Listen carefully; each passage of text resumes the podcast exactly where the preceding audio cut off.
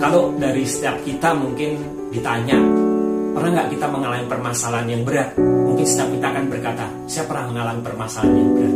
Tetapi tidak sedikit orang ketika mengalami permasalahan yang berat, banyak orang yang bersungut-sungut, banyak orang yang marah, banyak orang yang protes, bahkan berkata, Tuhan ini tidak adil. Nah, sebenarnya apa yang terjadi ketika Tuhan mengizinkan sebuah permasalahan berat terjadi di dalam kehidupan? Yohanes 15 ayat 1 dan 2 berkata seperti ini. Akulah pokok anggur yang benar dan Bapakkulah pengusahanya. Setiap ranting yang ada padaku yang tidak berbuah dipotongnya dan setiap ranting yang berbuah dibersihkannya supaya ia lebih banyak berbuah. Dari ayat 2 ini ada dua macam pohon. Yang pertama adalah pohon yang tidak berbuah dan yang kedua adalah pohon yang berbuah. Pohon yang tidak berbuah dikatakan Tuhan akan memotongnya.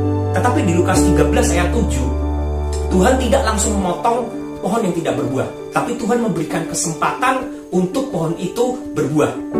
Dan jika pohon itu tidak berbuah, baru Tuhan akan memotongnya. Yang kedua, apa yang terjadi dengan pohon yang berbuah? Di situ dikatakan bahwa setiap ranting, yaitu kita semua yang berbuah, akan dibersihkannya supaya ia lebih banyak berbuah.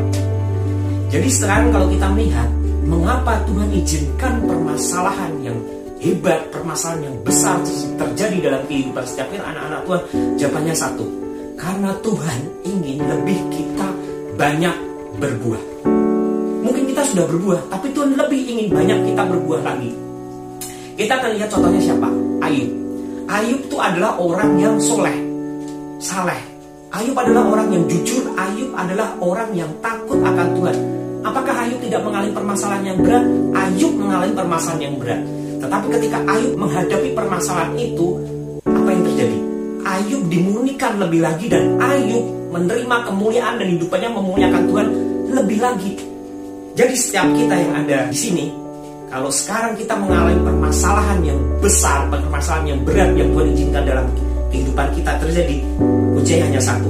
Hadapi permasalahan itu dengan syukur dan kita semakin dekat dengan Tuhan. Dari situlah kita akan mengetahui rencana Tuhan atas hidup kita sehingga hidup kita lebih banyak berbuah dan memuliakan Tuhan. Tuhan Yesus memberkati.